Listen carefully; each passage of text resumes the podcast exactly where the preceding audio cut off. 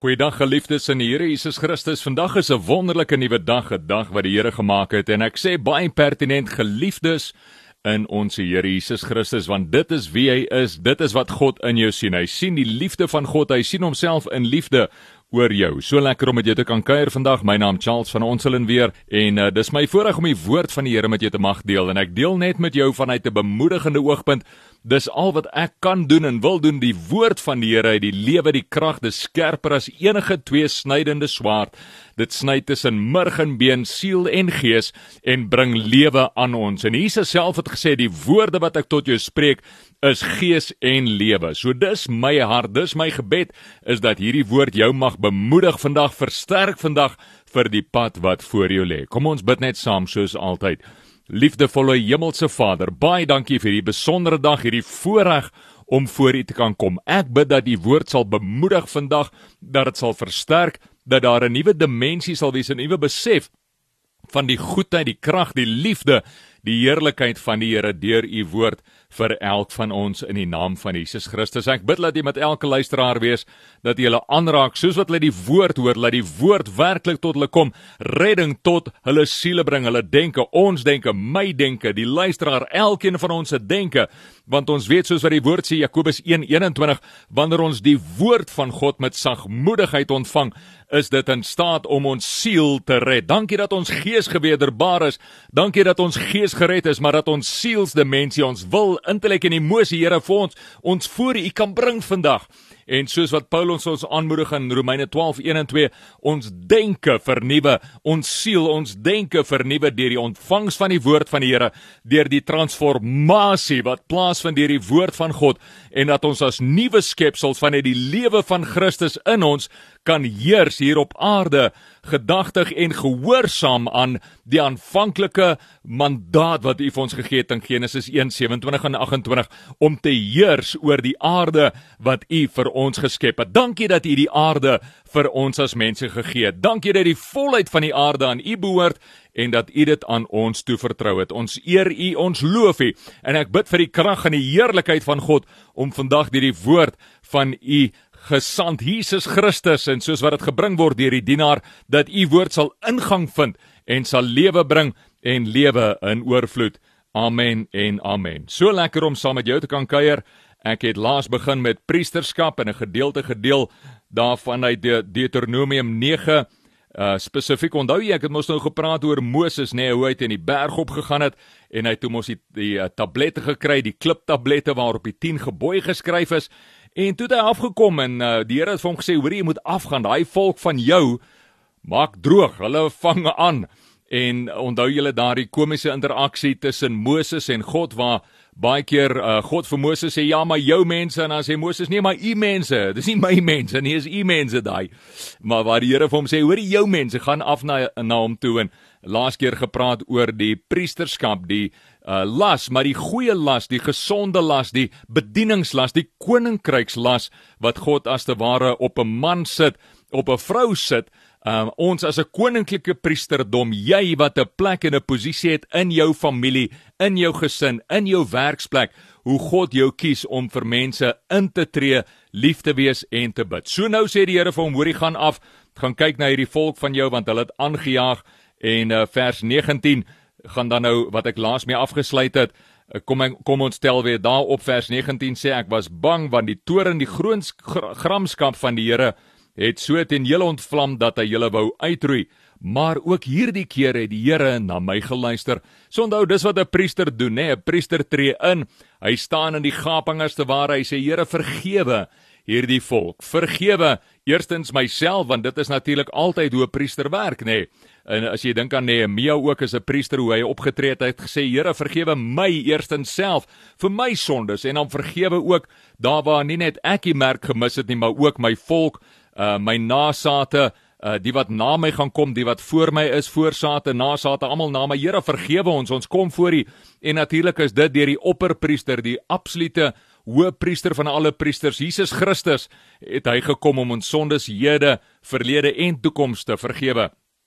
En dit is wat Moses doen. Hy sê ek het kom bid, ek het in die gaping gestaan en God het na my geluister. So Here, vergewe my, maar vergewe ook die volk, vergewe die mense wat teen U oortree het.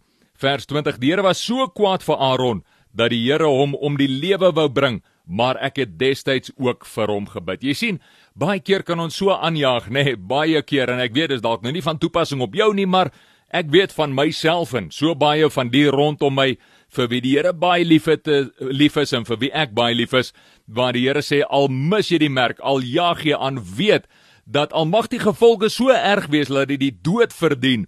Weet dat ek jou liefhet en weet dat ek sal luister vir die priesters wat ek in jou lewe opgerig het. So daar het die Here Moses opgerig. As priester van Aaron Moses het vir Aaron gebid en hy sê hy was bang vir die Here gewees want die Here wou Aaron doodgemaak het hy wil hom om die lewe gebring het maar ek het destyds ook vir hom gebid sê Moses vers 21 ek het daardie gruwelike ding die kalf wat jy gemaak het gevat en in die vuur gegooi. So dis nie dis belangrik nie net om te bid nie maar dis ook belangrik om die daad wat dan nou verkeerd gedoen was om dit te korrigeer nê. Want uh, om te bely is net een helfte van vergifnis en restituisie om te bely is net een helfte werklik van om die volheid van die liefde en die vryspraak van God in te stap. Jakobus praat duidelik daarvan. Hy sê: "Wys my jou geloof sonder werke en ek wys jou my werke sonder geloof." Uh, dis 'n heeltemal 'n ander uh, interessante perspektief op die woord wat ons later na kan kyk, maar die punt is Jakobus leer vir ons en dit is ook wat Moses hier vir ons tentoonstel. Dit help nie net ons sê ons is jammer nie, nê. Nee. Ons moet vrug dra van ons jammer. Ons moet vrug dra van ons belydenis. Elders praat die woord ook daarvan om vrug te dra, die vrug van bekering te dra. So dit help nie ons sê net maar ek is jammer nie. Nee, ons moet iets doen om dit reg te maak. Daar's 'n konsep, 'n aspek van restituisie wat belangrik is en dalk kan ons daaroor gesels op 'n latere stadium, maar die feit van die saak is dis wat Moses doen hier. Moses besef as priester, hoorie, dit help nie net ek bid vir vergifnis en ek vra Here vergewe en uh skeld vry nie. Nee, ek moet iets doen aan die saak. So hy vat die kalf en hy gooi dit in die vuur. Laat nogal dink aan Gideon, nê? Nee, Gideon ook toe die uh engel mos aan hom verskyn het daar op die dorsvloer. Uh waar die engel aan Gideon verskyn en die engel sê vir hom: "Gegroet is jy magtige kryger, magtige man van God." En hy sê: "Wie ek?" en hy erken dan dis die Here wat in sy teenwoordigheid is want God sê dan vir hom deur hierdie engel wat verskyn: "Hoorie, maar ek wil hê jy moet die Midianiete gaan verslaan." En Gideon natuurlik soos baie van ons sê Here maar ek kan dit nie doen nie. Ek het nie die vermoë nie. Jeremia dink ook aan hom en Moses ook natuurlik daar by die braambos Here ek kan dit nie doen nie. Ek kan nie eers praat nie. Ek hakkel ek kan nie behoorlik gesels nie. Jeremia wat sê Here maar ek's te jonk. Hulle gaan nie luister vir my nie. En ook dan natuurlik Gideon nou wat het Gideon met die vrug van bekering te doen kom ek illustreer Gideon besef God roep hom in daardie situasie en as tyd ons vergun en die Here ons toelaat, sal ons dalk na Gideon ook kyk op 'n stadium. So hy vergun uh op daai stadium die vergifnis, vergun die engel van die Here oor Gideon. Hy sê vir hom jy's gekies deur die Here. God het sy merk op jou gesit. God het jou lief. Jy's die gekose een wat die Here uitgelig het uit hierdie volk uit om jou volk uit te lei. Hy spreek as te ware die guns van die Here oor om die vergifnis van die Here oor Gideon. So wat doen Gideon volgende? Ja, hy vat daardie afgodsbeeld nê nee, van sy pa en hy kantel dit om. Hy gooi dit om. Hy tipe hierdie ding om en hy breek hom. En natuurlik is daar moeilikheid daarna want hy het hierdie afgodsbeeld van sy pa wat hy gaan omgooi om eer aan die Here te bring en om restituisie te doen aan die volk wat die Here te nagekom het deur die Here in die eerste te stel nie deur afgodsbeelde daar te stel. So dis presies wat Moses ook hier doen. Moses kom en hy vat hierdie afgodsbeelde, die kalf en hy gooi dit in die vuur. Toe het ek dit stukkend geslaan sê Moses en dit so fyn so stof gemaal en dit in die spruit gegooi wat van die berg af kom.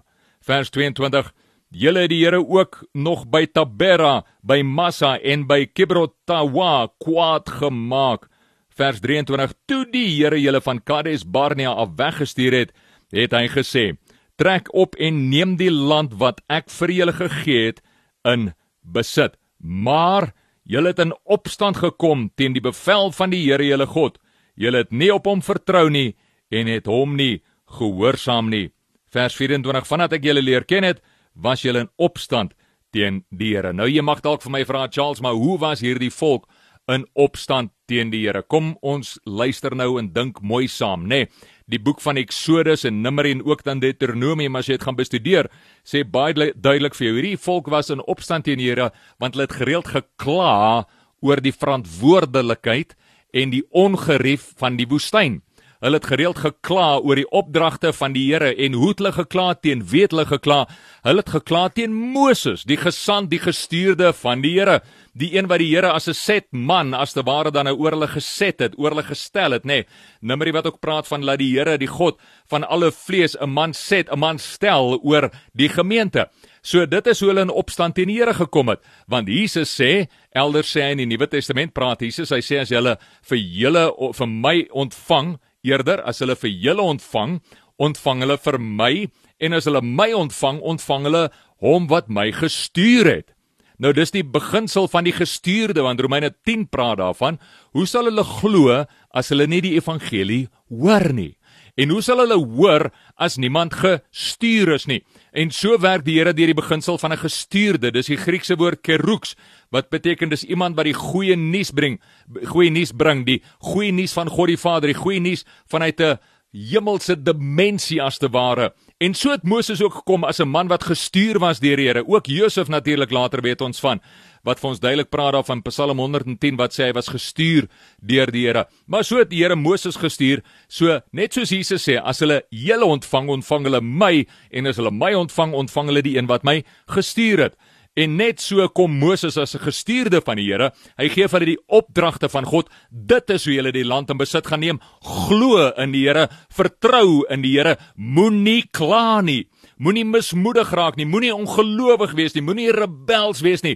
En dis presies wat die volk natuurlik gedoen het, nê? Nee, as jy die hele hoofstuk of die boek van Numeri gaan bestudeer, Exodus, Numeri en Deuteronomium, sal jy sien dat hulle konstant kla teenoor die Here. En een van die grootste goed wat ons sien in hulle lewens gebeur is dat hulle is ongehoorsaam deur ongeloof.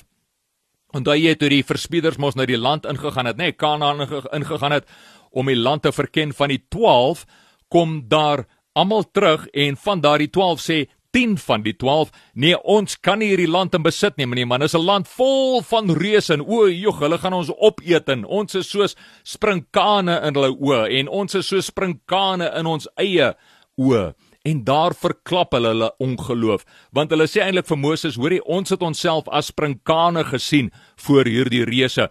En daarom Lei ons nou af. Ons moes ook so sprinkane in hulle oë gewees het. Nee nee nee. Die reuse het waarskynlik, hulle weet nie wat die reuse gesien en gedink het nie, maar hulle het waarskynlik nie gedink hulle sprinkane nie. Hulle het waarskynlik iets anders gedink.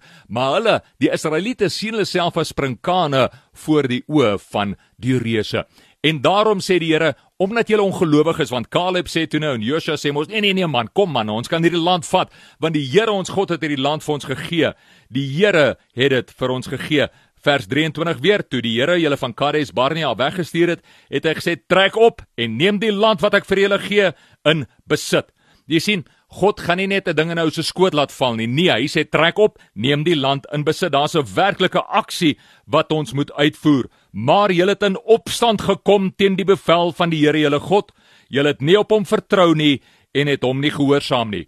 Wat impliseer dit hier? God sê gaan in, trek in, neem besit van die land wat ek vir julle gee. God het self die bevel, bevel reeds aan hulle gegee, maar hulle is ongelowig, hulle is weer barstig, hulle staan ongevoelig teen die instruksie van die Here en hulle sê nee nee nee, maar ons glo eerder in ons eie persepsie, ons glo eerder in ons eie ongeloof. Ons is so sprinkane in ons eie oë en so ook in die vyand se oë en ons kan nie hierdie land in besit neem nie. Dit, my liewe vriende, familie Christen in in Christus, broers en susters, hierdie is ongeloof. Hierdie is weer barstigheid teenoor die Here. God sien dit as rebellie.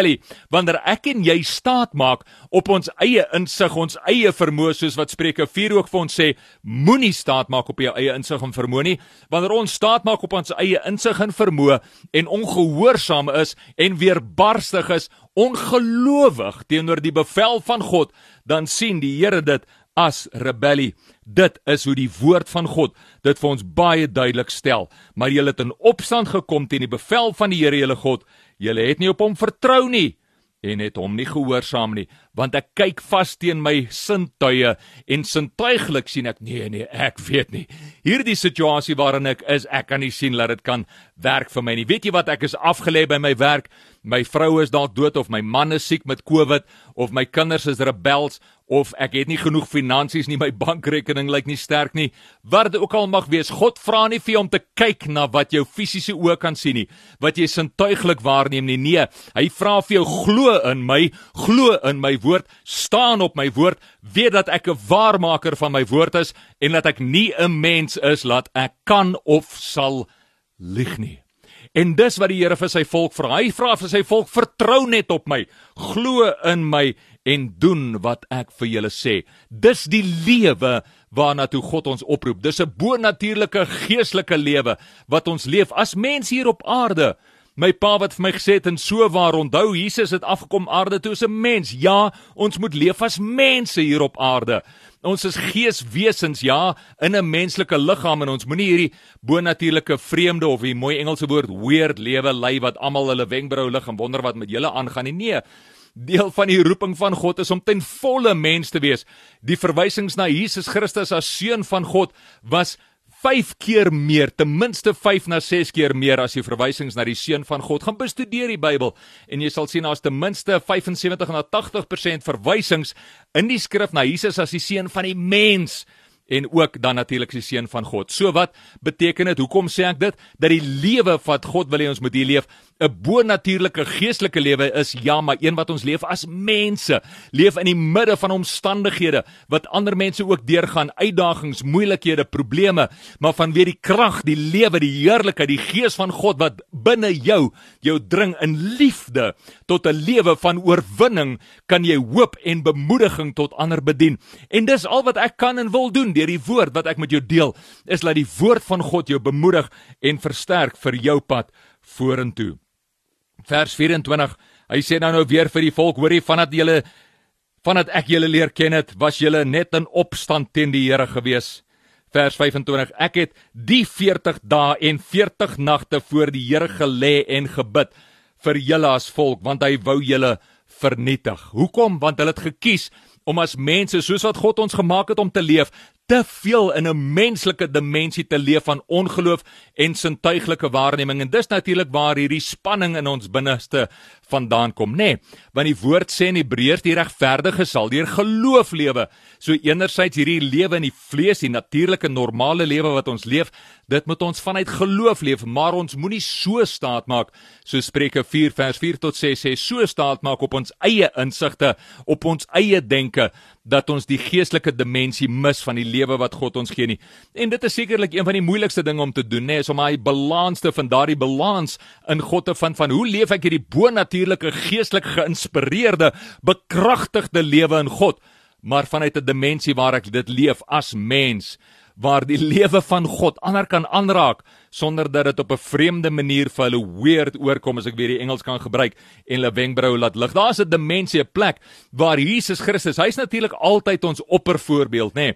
Daar's 'n dimensie en 'n plek soos Jesus vir ons gewys het waar hy gesit het met sondaars rondom en met tollenaars rondom, met prostituie rondom en mense om wat dronkaards was, mense wat gelieg en bedrieg het, maar hy het 'n hy het 'n manier gehad om die liefde van God die Vader. Hy was toeganklik en hy het 'n manier gehad om die liefde van God die Vader op 'n tasbare, reële manier te kon oordra sonder om vreemd te wees, maar sonder ook om te skroom om die woord van die lewe te spreek. En dit is waar die balans inkom, glo ek. Wees net reël soos hulle sê in Engels. Wees net wie jy is, maar moenie skroom wanneer die gees van God, die krag en die lewe van God in jou opstaan om die woord van die Here te spreek nie.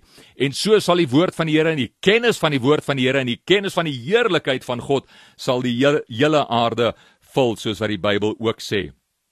Vers 25 Ek het 40 dae 40 nagte voor die Here gelê en gebid want hy wou julle vernietig, nê? Nee, en dan vers 26.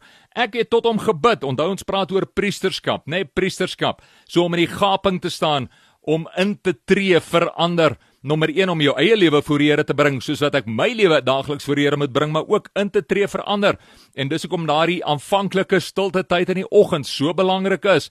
Hoe jy dit ook al doen, maak nie saak nie, maar maak net 'n punt daarvan om by die Here uit te kom om eerste ding in die oggend stil te staan by hom vir 'n paar minute in sy woord in gebed en om sy lewe in te drink en dan vanuit daai plek van verkwikking, verfrissing, versterking, bemoediging, vergifnis te kan in die gaping staan vir ander en ook vergifnis en bemoediging en versterking te kan meebring. So Moses sê dan nou vers 26 ek het tot hom gebid. Here my God, moet tog nie u volk vernietig nie. Hy is u eiendom. U het hom gered en hy gebruik die persoonlike naamwoord verwysing hier hy en hom want God praat natuurlik van Israel as sy eersgebore seun, nê? Nee. Onthou in Eksodus Genesis eerder uh toe Moses na Farao toe gegaan het, toe het Moses vir Farao gesê: "So sê die Here, God Almagtig, so sê hy: Laat my seun gaan. Laat my eersgebore seun gaan." Dit is hoe God na Israel gekyk het en dis hoe God na jou kyk as sy seun. Ek het tot hom gebid: "Here my God, moet tog nie u volk vernietig nie. Hy is u eiendom.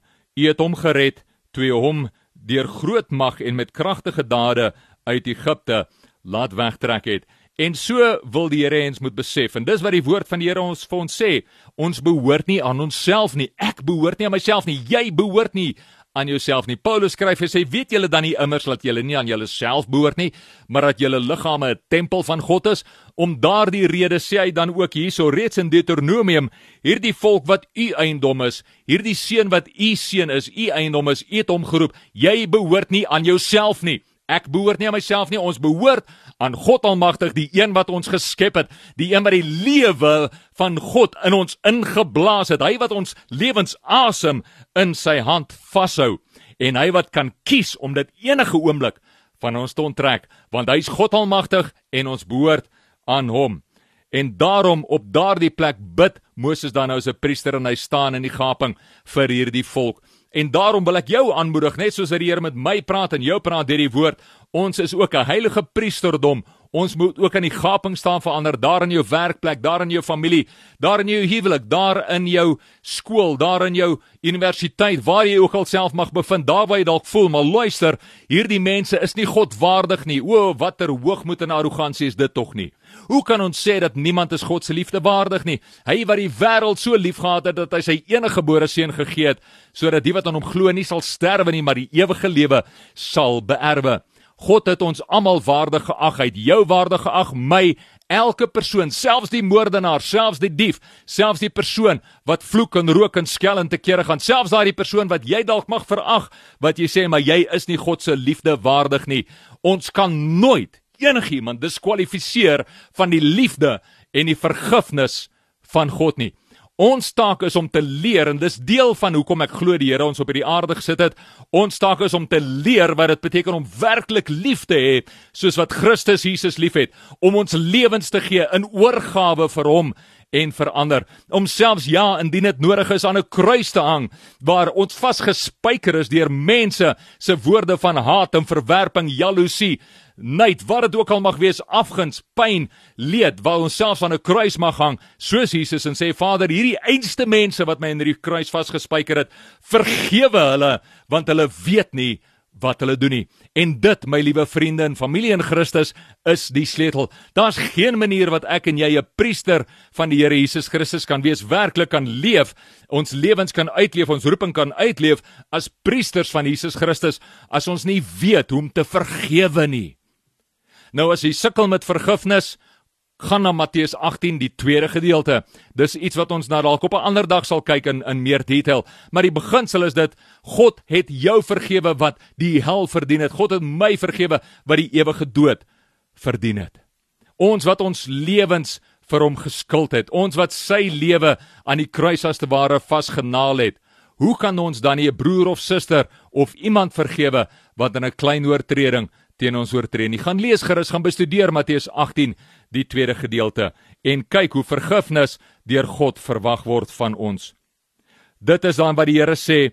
Hy kom dan na Moses en Moses na die Here toe en hy sê hierdie volk wat u gekom het, wat u wou doodmaak, wat u gered het, onthou hierdie volk, moet hulle nie vernietig nie. Hierdie eiendom het u gered toe hulle u deur toe hulle deur groot mag en met kragtige uit Egipte laat wegtrek het.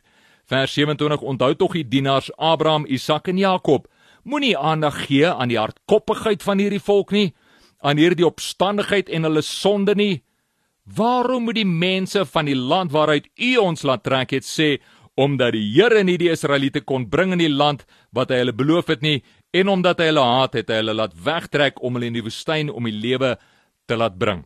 Moses is eintlik as te ware besig hier om te onderhandel, nê, nee, wat 'n besondere weer komiese kyk op sy verhouding met God waar hy onderhandel as te ware met hom net soos Abraham destyds met Sodom en Gomorra onthou mos, nê, nee, waar die Here gesê het maar hy gaan die stad ver, verwoestig, verwoes eerder hy gaan die stad verwoes en waar Abraham dan nou vir die Here sê, maar as daar 50 regverdiges is of 40 of 20 of 10 en dan onderhandel hy so net so so sê Moses ook hier en dis kom Abraham en Moses vriende van God genoem word want hulle het 'n verhouding met die Here, 'n lewendige verhouding as 'n vriend en hulle sê Here Moses sê dan nou Here maar moenie hierdie volk vernietig nie want wat gaan die Egiptenaars nou sê?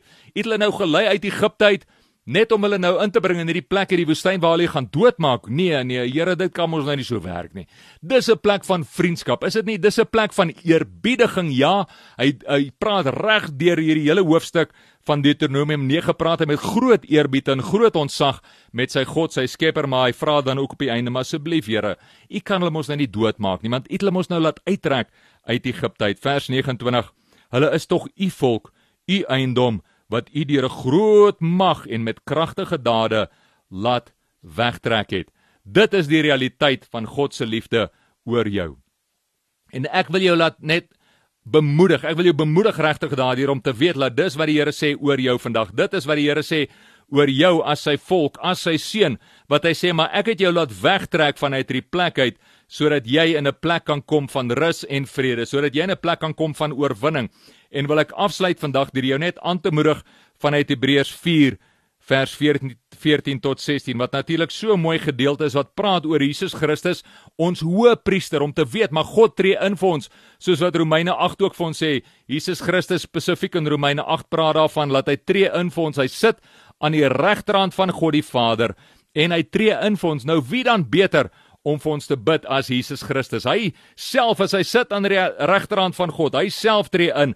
Hy is aan die regterhand van die Vader en hy tree in vir jou met groot versigtings en met gebed. En dan sê Romeine 8 ook mos nou elders, nê, nee, dat hy deur sy gees ook vir ons intree met versigtings. Wie is daar dan beter as om vir ons te kan bid? So hierdie selfde Jesus in Hebreërs 4 vers 14 tot 16 sê die Hebreërskrywer vir ons terwyl ons dan nou 'n groot hoëpriester het wat reeds deur die hemele gegaan het Jesus die seun van God laat ons vashou aan die geloof wat ons bely. Hou vas aan die geloof wat jy bely. Hou vas aan die lewe van Christus in jou die geloof in jou wat jy dra die hoëpriester wat ons het is nie een wat geen medelee met ons swakhede kan hê nie hy was immers in elke opsig elke opsig elke opsig God verstaan Hy was immers in elke opsig net soos ons aan versoeking onderwerp, maar hy het nie gesondig nie.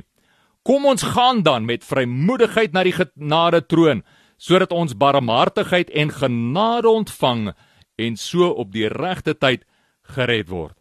God sê vir jou, ek is lief vir jou. God sê vir jou, jy kan enige tyd na my toe kom. Ek is jou hoëpriester en ek sal jou vergewe. Ek sal jou genade skenk. Ek sal jou uit hierdie put uithaal waarin jy jouself bevind en ek sal jou in 'n hoër dimensie plaas van lewe, van krag, van heerlikheid, van goedheid en guns. Al wat hy vra is glo net in my, vertrou in my, staan op my woord en neem die land wat ek jou gee in besit. Maar onthou nou, in slotsom, net soos wat jy die vergifnis van God ontvang, Nou het jy en ek die verantwoordelikheid om daardie vergifnis oor ander ook te spreek, om daardie vergifnis as priester uit te leef en in die gaping te staan soos Moses gedoen het met die volk en sê Here vergewe hulle want hulle weet nie wat hulle doen nie. Op die einde van die dag natuurlik deur Jesus Christus op die kruis, die grootste voorbeeld van alle voorbeelde. Vader, vergewe hulle want hulle weet nie wat hulle doen nie. 'n Lewe van vergifnis, 'n lewe van priesterskap sal jou na 'n nuwe dimensie toe vat van heerlikheid, guns en goedheid met die Here soos wat jy nog nooit beleef het nie. Mag jy die vrede, die goedheid en die guns van ons hemelse Vader in oorvloed beleef. Vader, baie dankie vir u woord. Ek seën elke luisteraar. Mag hulle versterk word deur die goedheid, die guns, die kennis van die Here en die wete dat U 'n hoë priester is en dat U hulle volkome vergewe en ek spreek nou U vryspraak, U vergifnis oor elke luisteraar in die naam van Jesus Christus. Mag ons voortgaan, vorentoe beweeg en effektiewe priesters wees vir die as 'n heilige priesterdom vir die wat U in ons lewens geplaas het. Ek bid dit in die naam van Jesus Christus. Amen en amen. Alle seën en voorspoed vir jou. Hou vas aan die woord van die Here. Kyk boontoe en gaan vorentoe. Kyk binne toe na die lewe van Christus in jou werk uit jou heil met vrees en bewering voor hom wat jou krag en jou lewe is. Christus in jou, die hoop op heerlikheid en glorie. Alles van die beste tot 'n volgende keer.